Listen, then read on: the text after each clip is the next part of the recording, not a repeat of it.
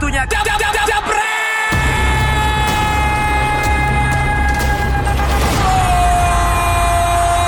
Halo, ketemu lagi Dewan Pandit Indonesia alias DPI bersama saya Panji Suryono dan juga Dan saya Intan Salmadina.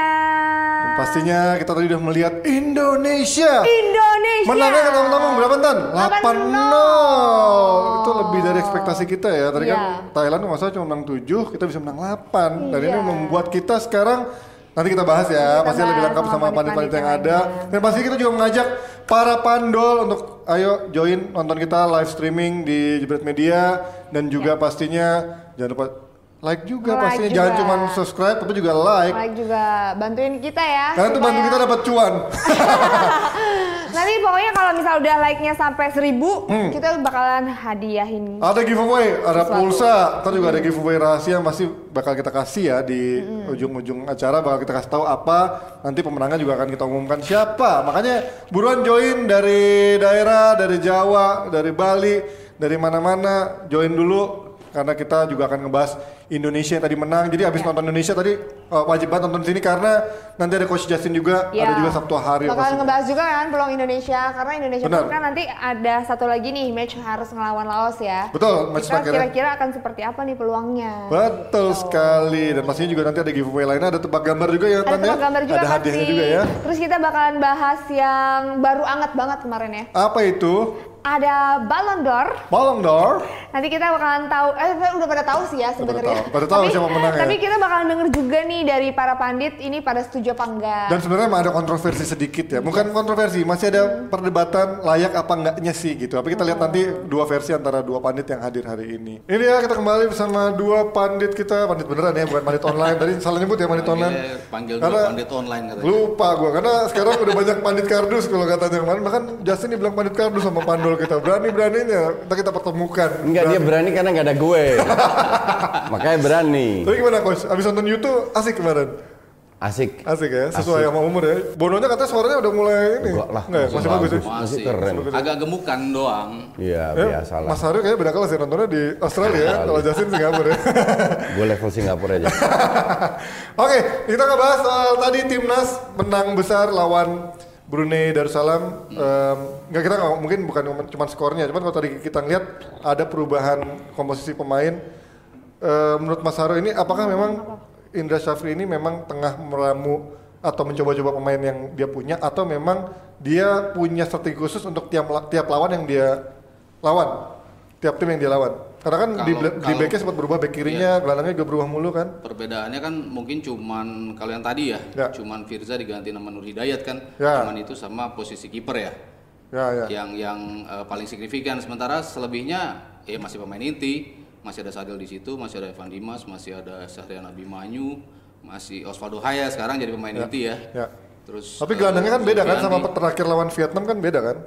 Sama Sufyan. Oh, Oh, iya beda Irianto, beda. ada Kalau lawan Vietnam, juga. lawan Vietnam beda ada Sani, kan? ada itu ya. Tapi intinya kan ada semua. Iya, iya. Egi, Osvaldo, Iya, karena- Sadil ini yang betul. penting. Karena- Dimas.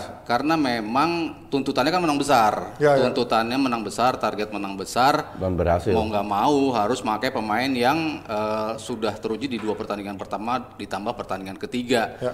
Jadi wajar kalau eh, akhirnya ya skornya besar juga, targetnya tercapai. Dari sisi itu mungkin yang gue lihat sebagai sisi positifnya, sehingga di pertandingan terakhir lawan Laos ya mungkin ya nggak terlena juga ya harus menang juga, karena keuntungan ada di kita, di mana di sana Thailand ketemu Vietnam kan. Bisa lihat ininya. Oh mau lihat komen, oh iya lupa gue. Iya. Bukan komen viewernya berapa. betul-betul saling harus bunuh kan Vietnam dan juga eh, Thailand. Thailand lebih. Thailand kan selisih golnya masih kalah sama kita. Ya, ya. Plus 10, kita plus 11, Vietnam plus 12. Jadi apa pun yang terjadi di sana akan mempengaruhi dua tim itu, kelolosan dua tim itu. Sementara kita menang cukup lah ya lawan Laos dengan skor 1-0 pun cukup kita untuk bisa untuk Kal- bisa lolos. Kalau seandainya Thailand menang lawan Vietnam 1-0, kan repot juga sebelah semua.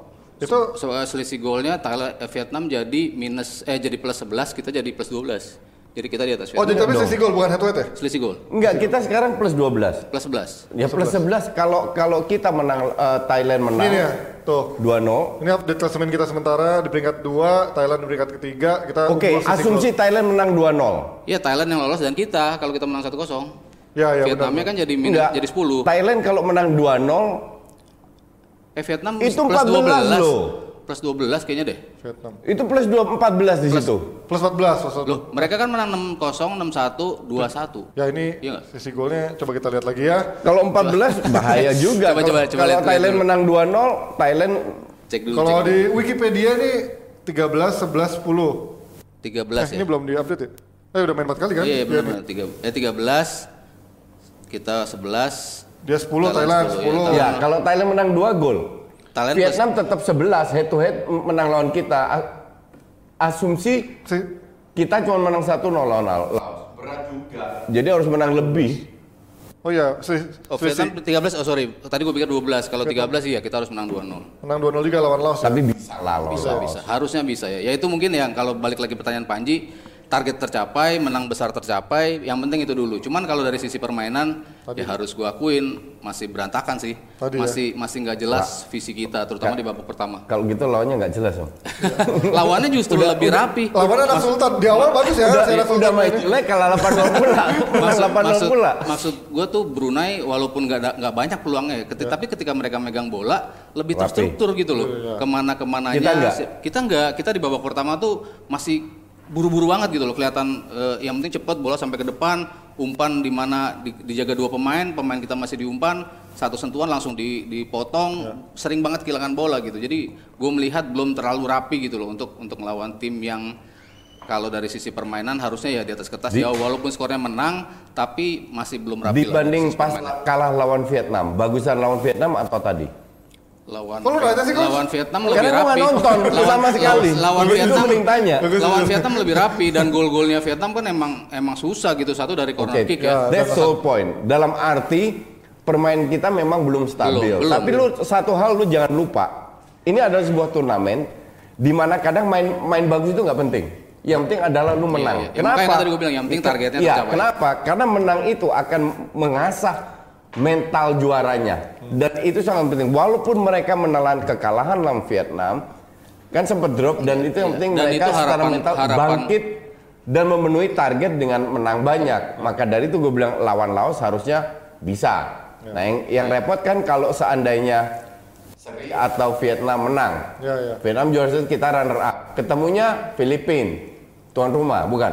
Myanmar yang lagi di atas Oh, Myanmar. pasti juara grup juga Myanmar Apa? Myanmar, Myanmar juara juara, grup grup, ya? Pasti. Udah. Nah ket- ketemunya ya itu yang itu yang agak berat. Iya, iya. Bukan nggak bisa, bis, bis- pasti bisa My- Myanmar doang. Tapi da- da- dalam arti mereka harus harus menyiapkan secara dan gue rasa kalau gue harap bukan gue rasa gue harap Indra Safri sadar bahwa skor dengan permainan adalah dua, dua hal, hal yang berbeda. Lu menang 8-0 oke, tapi gua harap karena lu gua nggak nonton jadi karena lu bilang mainnya tidak bagus, gua harap ini akan menjadi catatan untuk Indra Safri tidak terlalu eh, euforia tapi berbenah lagi karena masih ada next game. Masih ada Laos, masih ada semifinal. Iya, iya. Jadi di situlah kita harus fokus. Karena sebenarnya juga kita di ajang SEA Games sendiri ya juara grup eh atau lolos grup udah udah jadi sebuah Iya. patokan yang standar kan, bukan sesuatu.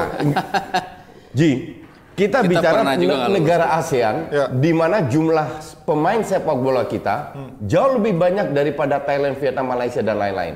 Oke. Berdasarkan itu aja kita wajib menjadi juara. Bahwa kita bukan juara, that's different cake. Ya. Tapi mindset kita harus ditanamkan bahwa kita men- target kita cuma satu, juara. Juara. Titik. Ya, ya. Mindsetnya di set ke sana. Bahwa sekali-sekali kayak Aryo tadi bilang main Kalau gak lolos. bagus, that's okay. Ya, tapi targetnya Yang penting you have to win. Ya. Karena Perancis yang jadi juara terakhir emang main bagus terus. Enggak. juga kan? Pragmatis, tapi- exactly. Ini yang harus ditanamkan ke para pemain muda ini bahwa target lu itu lu itu lebih bagus daripada negara lain. Bahwa kita pernah sekali kalah lawan Vietnam, that's okay menjadi pelajaran. Make sure target kita tetap juara, kita fokusnya ke juara, mindset kita di set untuk menjadi juara di ASEAN karena levelnya cuma ASEAN. Ya makanya menurut gua dengan lolos lolos grup aja menurut gua udah sebuah standar yang emang harus dilewati Iya. Indonesia Iya, bukan betul. sesuatu yang Betul. perlu um, Betul. dijumawahin buat kita karena PR masih panjang terutama ketika di fase semifinal dan final Iya, tuh berapa kali kita kan sering yang kita sebut ya. sering, Ya, ya. Maksudnya kita menang besar, kita lolos gitu. Cuman what matters kita ngalahin Thailand di pertandingan pertama. Ya. Cuman what matters itu adalah ketika di babak sistem knockout, itu kan yang yang bahaya gitu loh, di semifinal dan juga Sempat final. anti klimaks yang lawan Iya. Thailand ya, apa lawan siapa tuh yang katanya final harusnya kita juara tapi ternyata nggak bisa juara Iya, juga itu kan. kan yang yang yang kayak gitu-gitu ya. Kita di eh, di AFF pun kayak gitu kan. Ya. Kita bagus eh, di di fase grup luar biasa, menangnya gede-gede, cuman begitu eh, final ya lain lagi ceritanya gitu kan. Padahal lawannya pernah kita kalahin Iya. di, di, di, fase fase grup. Lu jangan lihat la- lawannya pernah kita itu nggak penting dalam karena setiap match itu lu harus mulai dari nol. Ya. Walaupun lu punya sejarah bagus dengan lawan tim itu. That's just history. Ya. That's why kalau kalau dalam sebuah turnamen itu yang yang bicara itu bukan strategi lagi. Strategi cuma 20 30 persen. Mental lu yang berbicara. Itu dia maksud gua mentalnya di pertandingan-pertandingan yang udah Ya, bisa nggak lu susah. menyiapkan dan tidak tidak underestimate. Ini gue gue kasih tol, eh, tahu lo ya, futsal ya. Dalam sejarah futsal ada pertandingan skor paling besar itu Brazil lawan Makau. Dalam games antar jajahan Portugal, Hmm. Brazil, Makau, Portugal itu main semua. Deketin dikit mas, Mike lah. Tahu skornya berapa? Berapa? Official game ya, Hah? 74-0. Hah? lawan apa? Makau. Brazil lawan Makau. Oh maka. yang pernah ngalahin Indonesia ya mau. Dewa judi itu berarti ya. Iya iya terus. Makau pernah gua ajar banyak juga. Anjay, soto. Tapi terus. nggak 70, dua- 20 an. Ya, ya. But anyway, terus next gamenya Portugal lawan Makau. Berapa? 54-0. Ya. Apa yang kita ambil bela- bela- belajar dari skor ini? Bukan kan, oh lu nggak kasihan apa, no. You have to respect your enemy. Karena Brasil bermain sangat serius, walaupun itu Makau, karena Brasil merespek lawannya. Ngerti nggak? Nah ini harus kita lakukan. Skor itu nggak penting. Kalau kita main bagus kita menang kok. Kita cetak gol banyak. Kalau emang harus 20-0 ya 20-0. Ya ya. Ngerti nggak? Beda banget ya. Mindset ini yang harus dirubah bahwa setiap kali kita masuk lapangan, siapa pun lawannya, kita harus respect itu lawan. Ya. Jadi bermain serius. Jangan 8-0 terus main setengah-setengah. Nah ini yang yang yang sering kali ke apa namanya gue pernah menang 21 3 lawan gue pas 10 15 6 anak-anak gue udah eh ngerti nggak lo? Iya, iya. Di situ gue marah. Karena gue bilang gue bisa Udah mulai terlena ya. Artinya negara lain juga bisa menang besar Anggap remeh lah ya. menganggap remeh jangan karena semua lawan harus kita respect di lapangan. Beda banget sama kemarin tim divisi 2 atau 3 Italia tuh yang kemarin menang 20-an dipecat Ya, pelatihnya. bukan, itu youth. Oh, itu youth ya? Itu Iya, iya. youth. Kalau youth beda. Buat mental beda. Kalau youth buat mental, kalau youth beda. Kalau ini kan kita bicara timnas. Timnas ini. ya. Se- Serius, lu harus respect. Kalau youth itu kan mengajarkan, mereka nggak peduli dengan skor. Oke. Oke. Nah, berarti kita berharap supaya timnas kita juga jangan terlalu terlena dengan kemenangan besar ini Iya, betul. target kita sebenarnya bukan cuma lolos grup, tapi memang sudah juara karena Juara target kita karena dan bisa. pecah telur ya Mas ya. Eh, enggak enggak, kedua kali ya? Ke- Kan kita 91 terakhir. ketiga kali. Tiga kali ya. 87, Karena udah puasa 87, gelar 91. 91 kan terakhir. Emang kita membutuhkan juara sebagai ya pelepas dahaga, apa, apa pembuang dahaga kita udah untuk menghabiskan trofi ya. Untuk gue, juara itu bukan karena trofinya. Untuk gue murni membuktikan bahwa kita punya potensi untuk berlaga di level Asia. Iya. Ini aja hanya batu loncatan ASEAN. Mau trofi atau nggak penting, juara lu, lu menunjukkan kalau lawan lu Vietnam dan Thailand bahwa level kita itu untuk Asia, U23 Asia. Sudah Asia, bukan ASEAN lagi. Levelnya Jepang, Korea. Iya, iya, betul, betul. Tapi pas timnas Ja- senior beda. jangan puas-puas dengan hanya menang lawan Vietnam dan lain-lain gitu loh. Oke kita tunggu saja nanti pertandingan penentuan lawan Laos itu wajib menang biar kita lolos Bukan ya. wajib, pasti menang. Pasti menang. Berapa berapa coach? Nggak penting berapa. Berapa? Yang penting menang. Gini, gini, ya? gini. Gak penting berapa 1-0 kalau Gini, apa. gini. Kalau seandainya mereka menang 5-0 Ya. tapi dapat 25 peluang, artinya efektivitas cuma 20%. Ya. Mending menang 1-0 tapi dari 20 pelu 2 peluang, 50%. Efektif. Ini yang kita lihat, efektivitas. Jose Mourinho. Karena, karena Laos di bawah kita. Jadi kalau seandainya 10 peluang, ya let's say 5-0 ke atas lah, gitu. Taunya cuma satu. Oke. Oh jangan dong. ya, mereka kan menang katanya. Yaudah kita Oke, sekarang pindah. Sekarang Ada- kita bakalan bacain komentar Bacain komen. terbaik. Ya. Nanti coach sama Mas pilih ya. Mas siapa? Ini Sama Mas. Ya. Ini gue diminta sama Ren- Rendra Sujono pakai kaos ini. Parah. Parah Rendra. Kerjanya bareng Valen tapi dukungnya Tapi suka ya dipercaya. Dua-duanya teman. Dua teman. Semua Oke. teman. Ini ada Yohanes Mulyadi. Di atas kertas kualitas Indonesia jauh di atas Brunei. Indonesia harus tetap fokus, perbaiki permainan dari kaki ke kaki serta kecepatan dua pemain sayap kita untuk mendobrak pertahanan tim lawan. Terus selanjutnya ada juga dari Aditya P. Timnas nggak jalan di babak pertama dengan Syahrian Abimanyu yang lebih menyerang. Di babak kedua Evan dan Abimanyu di di swab ternyata oh di ditukar ya. Ternyata lebih berhasil main lebih rapi. Terus selanjutnya ada Rama Duluber. Osvaldo ini seperti Rashford di MU. Tajam di depan gawang namun kontrol emosi sangat lemah. Andai dia tidak mudah terkena provokasi, saya yakin dia akan menjadi pemain house goal untuk timnas di masa depan. Yang Oh. mana nih? Ka- kalau gue sih ketiga. Yang ketiga. Cukup terstruktur ya. Hmm, Berapa ketiga. pemenang sih nyarinya dua ya? Berapa pemenang nih? Nyarinya berapa sih? Dua ya? Menang Lo pada tiga, Ya udah, tiga, tiga, tiga-tiganya. tiga, tiganya. Tiga-tiganya. Kita mah kaya ngasih ngasih giveaway ya, ya tiga tiganya dapat hadiah. Nggak, tapi kalau soal Osvaldo Hai itu benar. Ini ini pemain punya bakat. Cuman jangan sampai Emosinya dirusak. ya. Sama, sama kita lihat waktu Egi dihajar. Iya, iya. Listen, yang namanya pertandingan, mereka akan melakukan segalanya untuk provokasi, Iya. segalanya, oke?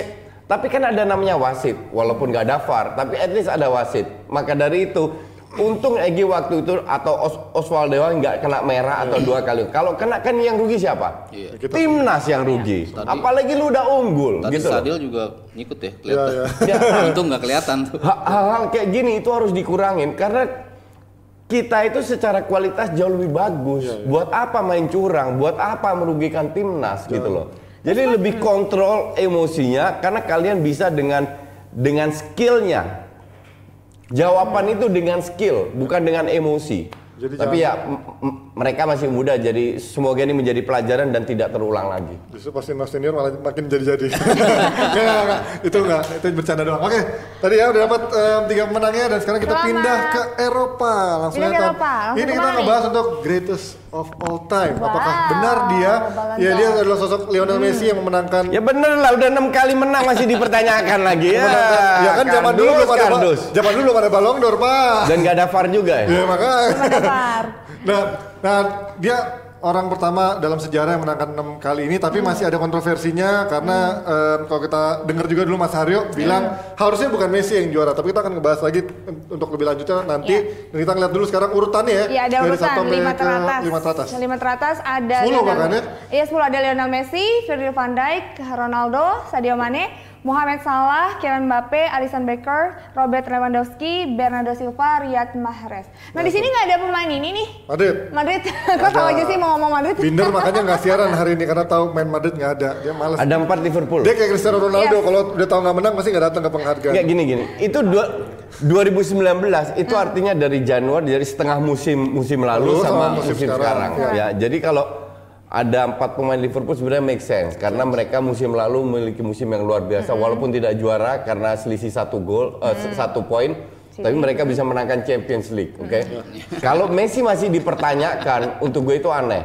Seorang Virgil van Dijk, kapten Liverpool, one of the best defender, mengatakan selama Messi masih hidup, dia selalu yang harusnya menang. Mas, lo kan jelas-jelas banget bilang Gue hanya bahwa- mengkutip loh. bahwa Ballon d'Or Ya. harusnya memang hari ini hari, harusnya jatuh ke Virgil van Dijk kalau memang dilihat dari para jurnalis kan dari segi statistik pencapaian Ya, dan ya. maupun eh, perannya kan. Nggak mungkin ju- jurnalis teman-temannya dia mungkin yang tulis. Nah, Nah, tadi ta- tadi misalnya dilihat peringkatnya ya.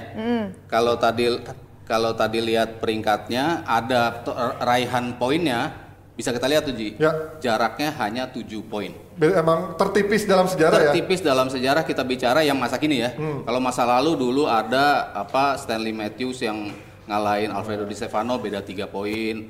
Lalu Bobby Charlton yang ngalahin Eusebio beda satu poin itu zaman dulu. Cuman makin ke sini gap antara pemenang dan itu jauh ratusan poin bedanya 200 400 ke 200, 500 ke 100 jauh. Eh, Aryo, jauh. lu bicara 7 poin, Liverpool satu poin beda nggak juara lu. Ini lo ngomong Ini voting bukan bukan poin Beda. bukan poin Satu poin Liverpool nggak juara lu. Ya, ini kan tertipis kan artinya kan memang ketika yang gue bilang itu ketika fans itu dieliminir Hmm. yang memilih eh, pelatih, eh, Wartawan. kapten dan juga wartawan Ya. akan lebih lebih condong netral gitu loh dal- dalam artian mereka menilai yang lebih bagus siapa, yang lebih bagus siapa. Memang tidak ada faktor yang dari fansnya yang biasanya Iya. ngedulang poin tuh dari dari fans. Iya, Kalau yang yang yang sebelum-sebelumnya ada empat elemen, ini kan tiga elemen. Ketatnya tadi Kayak itu award di lokal ya, tergantung fans. bener karena emang keyboard warrior itu luar biasa perannya. gitu. Netizen ya, netizen. Netizen. Nah ini kan bedanya 7 poin. Berarti kan memang tipis dan la- lagi pula ada beberapa eh, jurnalis dari negara yang nggak jelas, milihnya juga nggak jelas. Salah satunya contoh Sri Lanka, milih yang paling peringkat set satu siapa? Trent Alexander Arnold. Itu Karena fansnya Liverpool. itu peringkat satu. tapi nggak ada apa Iya. namanya yang habis itu nomor Ya, duanya it- siapa? it- nomor duanya Aubameyang. Itu kan jauh jauh banget. Nomor tiga pokoknya absurd banget lima pilihan itu. Itu kan sebetulnya Enggak, ta- ngerusak Tapi lu kan hanya memberi satu dua contoh. Iya, Ta- tapi, kan secara overall, tapi kan kalau peringkat satu, 75% peringkat satu kan dapat 5 poin. Itu kan Iya. cukup signifikan gitu. Kalau kalau lo memang milih di situ Van Dijk, berarti selisihnya cuma 2 poin. Itu Iya. kan cuma salah satu yang gua ambil contoh Sri Lanka. Mungkin ada ada dari wakil negara lain Oke, yang let's yang say gitu 20% juga. dari 165 negara yang vote, tapi at least 80% udah sepakat. Cuman yang gue pertanyakan, kalau lu tadi bilang di Ballon d'Or itu, by, by the way, pandit online kemarin, Hmm. gue nonton ngomongnya Ballon d'Or. Eh, yang kardus itu lu, bego. Ballon d'Or, bukan Ballon Ballon d'Or. d'Or. Dior, Dior. Gua terusin dulu tadi ya. Maksudnya kan tadi tertipis kan berarti kan ya yang tadi gue bilang ketika Game Defense kalau nggak ada yang aneh-aneh tadi pilihannya ya siapa tahu bisa Van Dijk. Cuman ya udahlah. Ini yang dirasakan apa yang dirasakan Van Dijk itu yang dirasakan juga sama peraih-peraih Liga Champion ketika yang juara bukan dari klubnya 2010 di situ ada Snyder. Ada. 2012 di situ ada Drogba dan kawan-kawan. Ada Ribéry juga sempat 2013 ada Frank Ribery dan kawan-kawan Oh, iya. juga. 2014 ya kalau kita bicara Piala Dunia ada Neuer kan yang orang mengatakan lebih cocok tapi enggak. Cuman kan ya itu ketika satu sosok individu yang dinilai paling menonjol mungkin mereka melihat Van Dijk tidak semenonjol itu di Liverpool jadi mungkin ada salah di situ lebih menonjol Sane dianggap lebih menonjol jadi pilihannya Terpecah. terpecah tidak tidak Mane. Antar tidak. Liverpool yang kita ter- lihat kan tadi salah tinggi juga Mane juga tinggi jadi dalam squad Liverpool itu mungkin Van Dijk dinilai tidak tidak sebesar itu sementara Messi absolut di Barcelona Nggak ada lagi. nggak ada lagi lawannya gitu bahkan Enggak, di, di, di bentar, gue lain. mau tanya, kalau kalau ini kan antara wartawan, kapten dan pelatih. Ya. Kalau FIFA apa? Antara apa? sama wartawan pelatih kapten fans Offense juga Ada dilibatkan. Oh bukan ini jurnalis doang ya kalau Ballon d'Or ya? Jurnalis Eropa doang ya? jurnalis eh, ada juga si pelatih sama itu Ballon d'Or? Oh, gue pikir gue kalau gue kemarin dengerin Jalur soalnya dia bilang cuman jurnalis 50 jurnalis apa berapa jurnalis Eropa Di, yang 50 jurnalis ternama betul. Nggak nggak semua media yang di, nggak di- nggak semua memang nggak semua tapi, Tapi tetap ada pelatih kapten ya kayak tadi tetap Sri di, Lanka di emang Indonesia ternama. ada nggak? ada ada juga Berapa? Satu. satu perwakilannya tiap media satu gitu siapa siapa yang yang yang disuruh gitu jadi ya itulah menurut gua ketika ketika salah seorang pemain dianggap tidak semenonjol itu dalam tim yang tampilnya memang solid gitu kan. Ya kita bicara Spanyol sul- sulit untuk mencari pemain terbaik di timnas Spanyol. Di Barcelona selain Messi sulit untuk mencari eh, pemain lain. Di, eh, ketika Ribery nggak menang juga sulit untuk menonjolkan salah satu ketika Ribery yang ditunjuk Nggak, tapi Robben, me- Robben juga bagus gitu kan Log- logikanya. Haryo itu make sense dalam arti terlalu banyak pemain Liverpool yang bagus sehingga suaranya mungkin terpecah. Kalau kalau seandainya pilihannya hanya tiga, Mungkin Van Dijk, Ricardo, lebih- nah lebih. mungkin Van Dijk yang juara. Nah, yang yang yang apa? Yang gue kenapa gue bilang Van Dijk lebih cocok karena yaitu musim kemarin yang menonjol dari Liverpool adalah sisi defense gitu. Ya. Taruhlah Ya kan tahun- misal tahun lalunya kan final misalnya tahun bisa, lalunya kan? tahun lalunya final si Salah kan. Ya. Salah dengan gol yang begitu banyak. Kalau tahun ini misalnya Salah melakukan itu ketika final Liverpool juara, mungkin Salah yang akan yang akan terpilih karena nonjol banget golnya gitu kan. Ka- kalau Sementara- tahun lalu eh di, di, defense-nya solid Liverpool, kalau tahun ini luck-nya solid. luck terus Liverpool. Enggak, tapi kan yang final sebelumnya kan Jadi katanya efek pertahanannya sama kipernya kan yang sebenarnya kurang kan. Makanya Van Dijk datang dan memang clean sheet juga di final. Iya. Harusnya kan dia yang lebih Betul, makanya kenapa Messi. kena- kenapa gue lebih Enggak lah. lebih lebih melihatnya ada ada faktor yang menurut gue lebih condong ke sana. Walaupun menurut Udahlah, gue Messi Me- Messi, juga itu layak nggak jelas. bisa dibi- dibandingin sama Iya, iya. sama ma- ma- ma- sama manusia. iya. Kecuali dari bulan Ya bukan. ada pemain bola. Ya kan ngomongin secara pencapaian secara full em, setengah Enggak, dan setengah lu, kan. lu kalau melihat walaupun seperti yang Van Dijk bilang, walaupun Messi tidak masuk final Champions League, Ya. tapi kontribusinya di Barcelona itu dahsyat. Ya, Messi, itu ya. Messi itu pemain udah nggak bisa bahkan lawan Ronaldo itu ma- masih jauh Ronaldo di bawah Messi. Selama gue setuju banget sama Van Dijk. Selama Messi main, dia harusnya juara terus. Sesimpel itu kok. Ya berarti tahun lalu ah, t- cukup absurd dong ketika Modric akhirnya bisa bawa Ya ke- kembali karena wartawan dan lain-lain Iya yang kan? itu. Ya berarti kan Ya itu kalau gue bilang kalau Modric mungkin di Kroasia dinilai menonjol banget gitu loh apa yang dia lakukan di Padahal Kroasia kata Ciel ini harusnya Kal- sekelas kal- Modric nggak bisa juara ngalahin kalau- Ronaldo. Kalau Ronaldo, kita bicara Ronaldo dan Modric di tahun yang sama, Oh, kan mereka sama-sama sama-sama meraih Liga Champion. Ya maksudnya trofinya sama dong, Hmm. Iya, sama. Modric dan juga jadi kreditnya sama. Cuman apa yang dilakukan Modric di Piala Dunia itu kan melebihi apa yang dilakukan oleh Ronaldo. Iya. Dalam artian dia bisa ya dalam tanda kutip ya seorang diri bisa membawa Kroasia maju maju Tapi sampai kan ke secara final. individualnya mas apa head to head Ronaldo golnya Udah tiga- penting Messi udah, tiga udah ganti topik bosan yang penting Nggak Messi bisa. udah jadi juara Nggak. ganti topik Karena ada ngomongin, topik sekarang ngomongin aja. kontribusi ini kan ngomongin gak cuma individu kan, tapi dalam dia membawa timnya kan. Iya, Kayak iya. dia kan di Barcelona cuma di Liga, makanya, Liga, makanya Spanyol kenapa doang. kenapa eh, walaupun Justin tadi bilang dari Januari sampai Desember, Hmm. cuman kan biasanya tuh di bulan Mei itu yang jadi yang jadi Mei atau Juni gitu. Kalau Ya. kalau tahun ganjil di Mei karena Liga Champion, tahun genap biasanya ada Piala Eropa atau Piala Dunia pemenangnya. Gue pemenangnya bilang dari lebih situ. lebih make sense. Kenapa Van Dijk nggak juara? Karena terlalu banyak pemain Liverpool yang yang lagi bagus-bagusnya. Iya, jadi su- Maka ya dari itu, su- su- suaranya terpecah. Kalau seandainya cuma ti- tiga orang aja Ronaldo Messi mungkin Van Dijk bisa jadi juara. Iya sama ya itulah su- susah kan kalau Absurd untuk juga ya kalau- untuk back kalau- keeper begitu untuk juara Iya, ya berarti ya. Make sense juga. Kalau untuk ngalahin di sini misalnya orang lihat 50-an gol, di sini lo orang lihat 73 tackle gitu kan Iya. nggak nggak terlalu kelihatan gitu Iya, kan. iya, iya. Di sini interceptnya 112 misalnya, tapi di sini dia nyetak golnya 60. Nggak. Orang kan pasti lebih ngeliat ini sebagai sebuah keberhasilan. Tapi gitu. kalau Messi walaupun dia nggak cetak kebetulan dia dia cetak banyak gol. Kalau dia nggak cetak gol itu emang luar biasa Iya, mainnya. Nah. Oke next. Oke. Apa lagi? Ya, tapi kita kalau menurut kalian Messi atau Ronaldo yang selama ini jadi dominasi masih bisa kuat berapa lama sih untuk dominasi di Eropa kayak gini? Ronaldo udah selesai. Ronaldo udah Messi Selesai? masih. Karena dia ada di Juve. Karena, Atau Ya, juga. karena di Juve. Karena di Juve dia tidak menjadi pemain seperti di Madrid gitu maksud gua. Tidak dia sepenting dia di- itu perannya. Tidak sepenting dan tidak diberikan peran yang sama kayak di Madrid. Atau Maksudnya karena, kan karena Zidane- emang mainnya Ya, bener, iya. beda banget sama. Madrid kan? Kalau di di Madrid kan gue bilang up Ronaldo itu sentris Iya. gitu kan menjadi pemain Se- yang selalu di semua depan. pemain adaptasi dengan Betul, Ronaldo. dia Di tahu, enggak. dia semua pemain bisa diajak wantu sama dia di Ya, Madrid. ya, Langsung bisa menjadi gol dari pemain belakang sampai pemain depan bisa melakukan wantu dan bisa me- menjadi gol bersama Ronaldo. Sementara di sini di Juventus gaya permainnya tuh berbeda. Dia kembali lagi menjadi penyerang sayap. Winger, dia iya. sudah kehabisan. Dia udah nggak bisa lari Gocek-gocek kayak udah lari kayak dulu. ya. Kalau kita lihat apa jumlah eh, apa dia bisa ngelewatin lawan Eh, gitu yuk, ya. udah nggak nggak nggak selesai selesai bahas nih. Nggak ada topik lain apa? Dia Udah jelas pemenangnya Ronaldo banget. Messi. Masih aja dibahas. Biasanya empat, sekarang cuma dua rata-rata tiap game itu kan jauh banget. Ada setengah dari dia bisa ngelewatin lawan. Dari gaya bermain aja Lu udah aja menunjukkan gua makannya kalau susah gitu. dari Ronaldo itu untuk bisa kembali ke level performa kalau mainnya nggak dipindahin lagi ke pe- pemain nomor 9. Oke, kalau dari tadi Ballon d'Or sekarang kita ke turun ke yang lebih mudanya ke Copa Trophy. De Ligt yang memang jago di awal eh, waktu di Ajax tapi setengah yang musim sisanya di Juventus seolah hilang kayak cuman ya Enggak, pelengkap lu lebay, Loh, lu lebay lagi.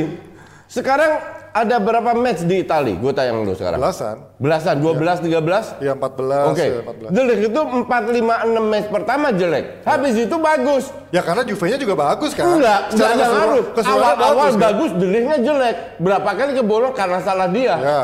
Nah, jadi lu harus pisahkan. Mau Juve bagus, jelek belum tentu bagus. Ya. Kebetulan Juve nggak bagus, jeleknya luar Ya, tapi biasa. waktu Delik juga mainnya jelek juga Juve masih bisa tetap menang kan? Betul, iya, betul. Tapi Deliknya jelek. Ya, Deliknya jelek tapi nggak begitu kelihatan secara keseluruhan. Wah, mereka berapa Tapi dibanding sama dia di Ajax, ke- kehilangan poin. Dibanding sama dia di Ajax perannya? Eh, namanya manusia. Ya, butuh kalau ngomongin namanya manusia, Enggak, ngomongin kan main bola. harus adaptasi. Iya, iya.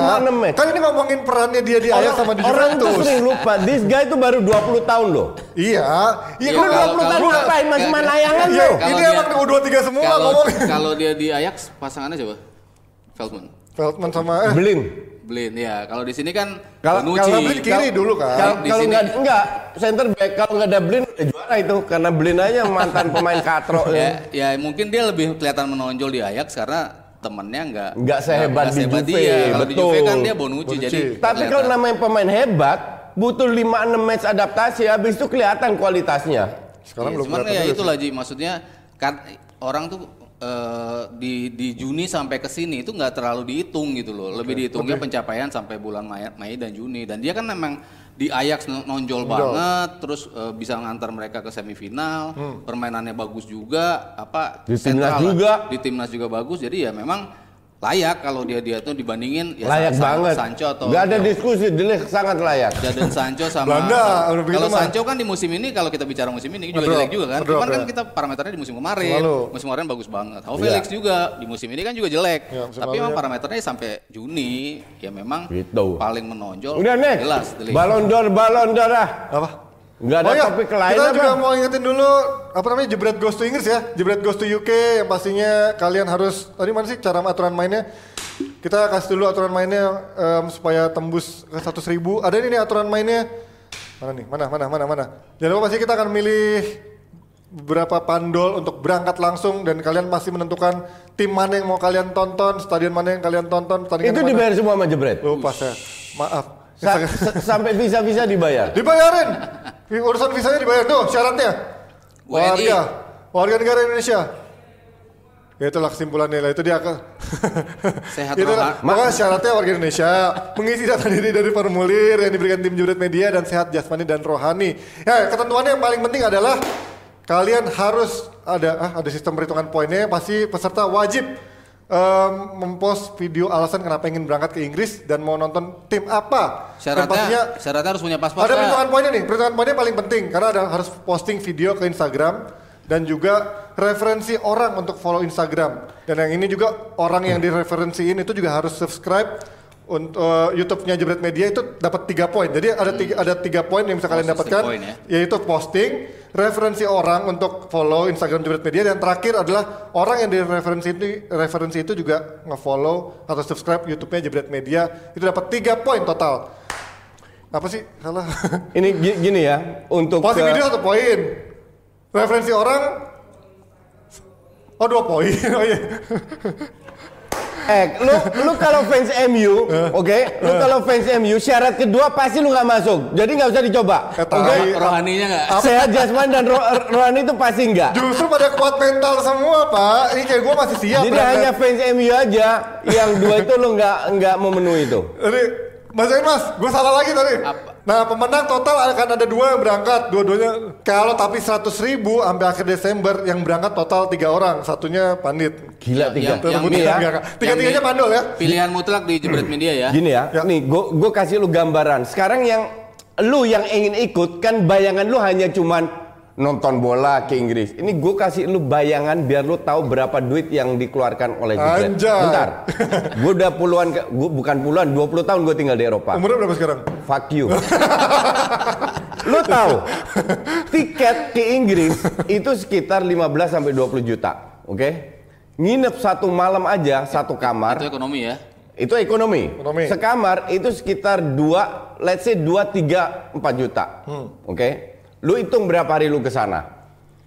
Makan siang, lu percaya nggak percaya, level KFC itu 150 ribu, kampret itu makanya gue paling malas ke Inggris begitu. Mahal banget coach. Mahal banget. Mahal banget. Breakfast dapat cuman telur, ham, sama itu 7 pounds. Di hotel. Kan di hotel dapat kan?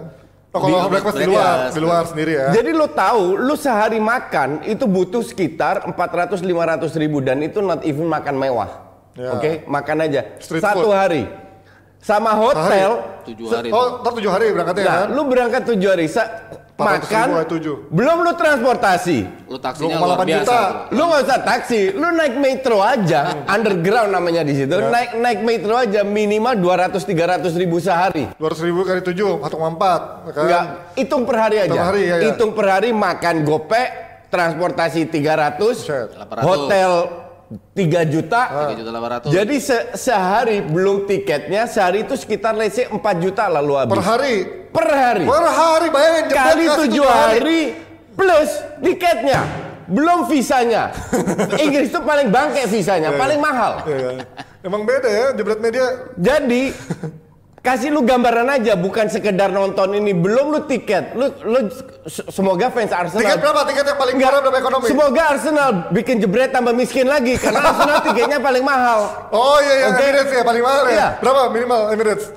Eh, 100 125 pounds kalau nggak salah. Tiket pertandingan 125 pound. Iya. Tergantung partainya. Oh. Iya ya Dia ada tergantung kelasnya partainya. kan, kelas 1, kelas 2, kelas 3 partai ya kalau lawan Norwich, lawan gitu, Yang paling, yang paling murah. paling murah lawan Norwich tuh. Yep, ada ada kelompoknya. Kisaran Kalau lu fans MU di luar banyak dijualin calo-calo. Kampret ya nggak ada anjing. Kayak gue nggak tahu Jadi banting harga. tahu.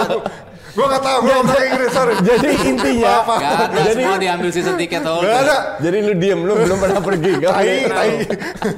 Jadi lu kebayang nggak sehari aja lu habis 4-5 juta satu hari untuk hidup Eh. ditambah tiket 15 jutaan kali tujuh hari. Jadi lu kebayang be- berapa duit sudah dikeluarkan untuk jebret untuk kalian fans kardus yang nonton kita. At least you do something loh. Ngerti nggak? Itu. Lu subscribe lah bukan tiga. Ajak temen lu. 25 lu subscribe, ajak temen lu. Jebret Ah. masih enak. Ti- tiga doang atau berapa? Berarti satu 25 orang boleh, lu tag boleh temen-temen posting lu. sebanyak-banyaknya gitu Ya, ya. Orang Boleh. tag yang banyak entar itu itu akan berpengaruh memang yang di itu kan harus tiga tapi Ya. itu tag sebanyak banyak Bukan lah tiga, oke sekali cuman orang minta tag doang susah amat lu Sekali orang yang subscribe, tiga nanti orang dikasih pula. poin nanti tabelnya tiap Jumat. gue nggak ngerti Ada si. Valen ambil duit Ya dari mana pokoknya itu pastinya kita akan ngasih transparansi transparansinya juga tiap Jumat bakal kita ada klasemennya tuh. Orang yang paling tinggi siapa poinnya yang udah ngasih subscribe terbanyak, referensinya juga ikut subscribe. Ada nanti poinnya kita lihat setiap Jumat dan pastinya kalian bisa lihat Di- dimulai nantinya. kapan? Dimulai kapan, Ji? Dimulai tadi 3 Desember sampai kemarin udah dibuka kan? Oke, 3 Desember sampai, sampai- akhir eh sampai sampai kapan? Januari ya?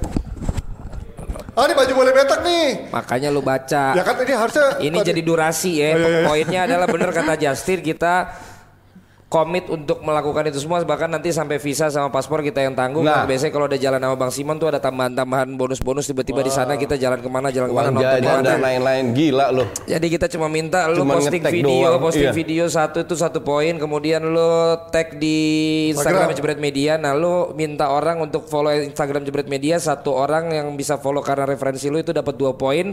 Kemudian lu minta juga orang untuk subscribe di YouTube-nya Jebret Media TV itu satu orang dihargain tiga poin.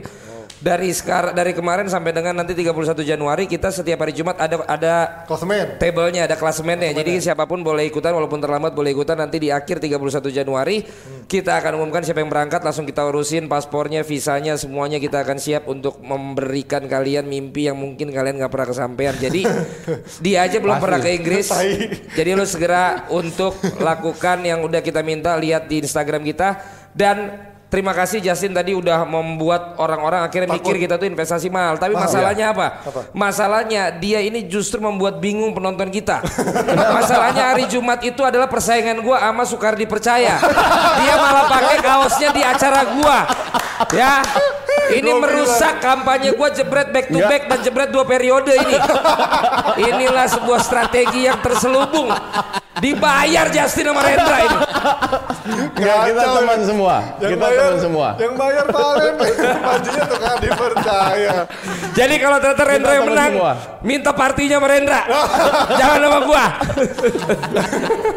Jadi untuk para netizen yang keluar kecamatan aja nyasar, ini peluang untuk lo biar bisa keluar negeri, oke?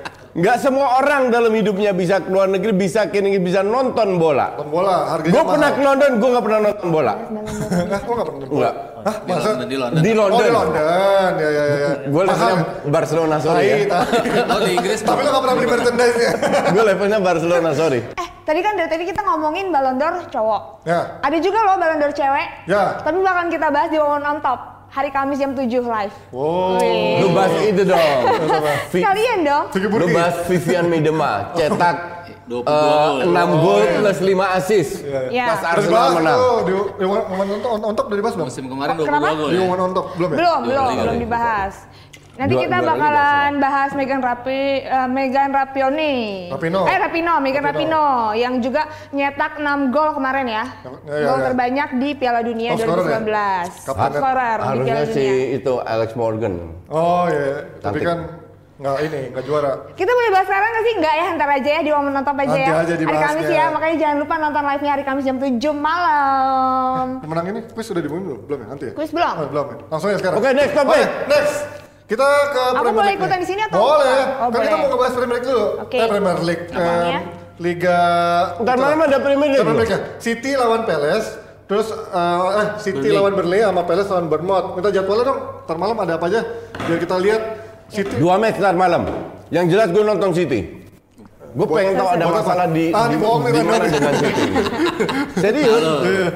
Nah, sekarang juga kita update dari hasil drawing FA Cup, Liverpool lawan Everton, Wolves lawan, M, lawan MU, Arsenal lawan Leeds, sama ada Gillingham vs West Ham. Oh ini ya, Oh, nih, di third round FA Cup ya.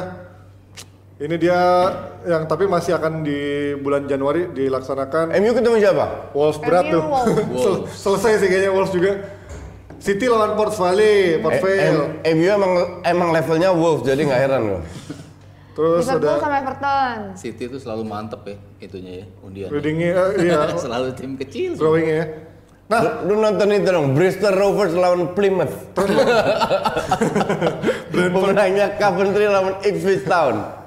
Nah, oke, kalau tadi kita ngomongin Nah, nah, City, nah, nah, kan Guardiola bilang kalau dia pasti nggak akan belanja di bulan Januari. Tapi kita ngeliat sekarang kemarin em, lagi-lagi tersandung, pertahanannya terlihat banget bakal eh, ter- terlihat ada masalah. Apakah memang dia nggak butuh back yang Gue nggak setuju. Laporte? Gue rasa kalau dibilang butuh butuh, oke. Tapi biasanya klub nggak mau lepas pemainnya pas uh, winter break. Tapi gue tidak setuju kalau lu bilang hanya menyalahkan back. Bahwa backnya tidak sebagus ada Laporte, gue setuju. Ya. Cuman lu kebobolan dia, lu bisa cetak tiga gol kan lu still menang. Jadi ada masalah di depan juga, juga. terutama Aguero kan cedera juga, kan? Aguero terutama. Aguero kan juga cedera, Dan kan? Gapsus itu egoisnya minta ampun, asli itu. Nah, kalau menurut lo City berarti sekarang udah habis secara persaingan sama Liverpool.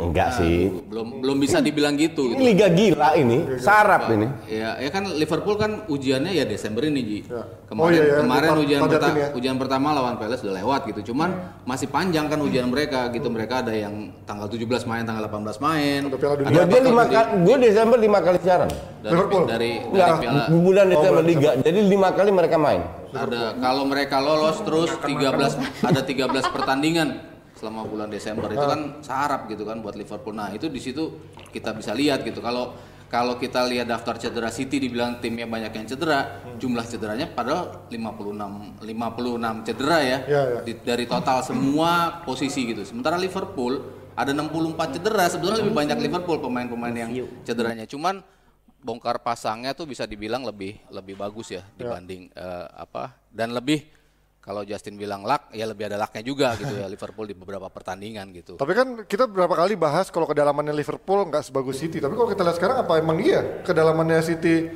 masih lebih bagus pada Liverpool? Iya, kalau kalau dia dilihat skill individu ya. Kalau dilihat skill individu iya. Di atas kertas lah. Di atas kertas, skill individu di atas kertas, iya. City kita bicara eh, apa market value dari pemainnya juga jauh lebih Iya. tinggi City gitu kan. Cuman ya Liverpool makanya ketika dia nggak beli pemain pun gua wa- anggap sebagai hal wajar karena dalam dua tahun kan dia sudah memupuk Kompak. pemainnya udah di posisinya saling siling bergantinya dan dia tahu siapa yang akan comeback seperti Lalana comeback, Dan Jambo comeback. dan jarang cedera juga pemain intinya. Pemain intinya ya. Itu nggak ngaruh banget. Nah sekarang Fabinho cedera kan. Nah untuk berapa kita lihat dan Ellison dua match ya, Re- re- red card atau atau sekali dua, dua, dua, dua kali kuning jadi satu match kan? Dia langsung merah. Langsung merah straight red Oh straight merah. Jadi dua match lagi. Nah ini hal-hal kayak begini itu penting. Jadi, jadi kalau lu bilang eh, City nggak di di atas kertas nggak nggak ya, nggak sebagus Pool nggak.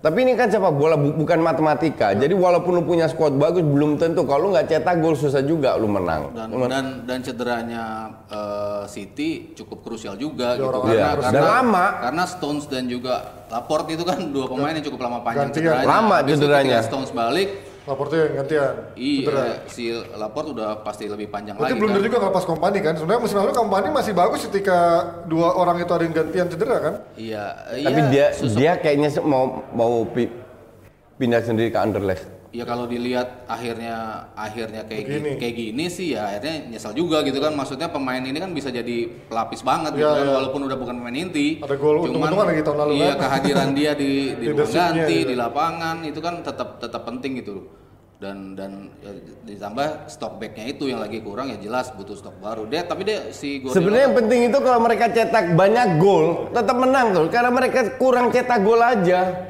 Ya, Padahal karena pertahanannya kayak gitu kan jadi bikin deg-degan Mungkin- juga. mungkin Nggak- percaya nggak- dirinya, iya, jadi iya. kurang kurang berani untuk Jadi sibuk bertahan maju juga gitu, striker-striker iya. Karena kita Mungkin. lihat kita lihat De Bruyne kan agak terlalu dalam kan mainnya sekarang Iya, kan iya. nggak nggak terlalu ke depan gitu. Mungkin ada faktor juga untuk melapis lini tengah ke belakang. Nah ini banyak yang diomongin si siapa? Soyun Soyuncu Soyuncunya Leicester yang gantiin Maguire katanya cocok menjadi Cocok, backnya City ini apa emang iya baru satu musim udah langsung bisa di dibilang sebagus Nggak, itu? Gini, gue gue pernah berapa kali dia nonton ya, karena gue siaran jadi gue harus nonton. Eh, Kalau nggak salah nggak belum tentu nonton Leicester. jarang, nggak pernah.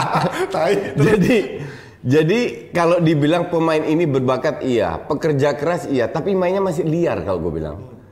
Bukan berarti nggak bisa ke City, bisa aja kalau dia bisa dipoles. Nah sekarang dia dari nothing kan juga bisa langsung berkembang di Leicester. Jadi dia mau berkembang, mau mau, mau belajar. Kalau seandainya si Pep bisa moles dia, ini bisa jadi pemain hebat. Tapi kalau kita bicara sekarang main di Leicester, mainnya terlalu liar. Jadi ka- kadang nggak nggak nggak terkontrol asal asal lebih banyak otot daripada otak. Rogers tapi lumayan ya perannya musim ini bisa langsung nyulap Tapi dia. lumayan bagus. Gantiin Maguire ya. Beruntung ada Evans Oh iya, yang, iya. yang bisa membimbing, yang bisa jadi koordinator, jadi kapten, yang bisa ng- mengatur di lapangan berdasarkan pengalaman. Coba kalau di MU masih ada Evans sama Smalling. Jago kali ya dulu. Jagonya di luar di MU Pasti tuh. Terima kasih semuanya em, Justin, Haryo, Nesa juga, eh, Nesa Intan. Kita ketemu lagi di Sebentar deh, kenapa sih semua host di sini manggilnya Nesa terus? Loh, Ya, Tersinggung deh kamu Intan. Intan, Oh. Yaudah. Coach Justin dong.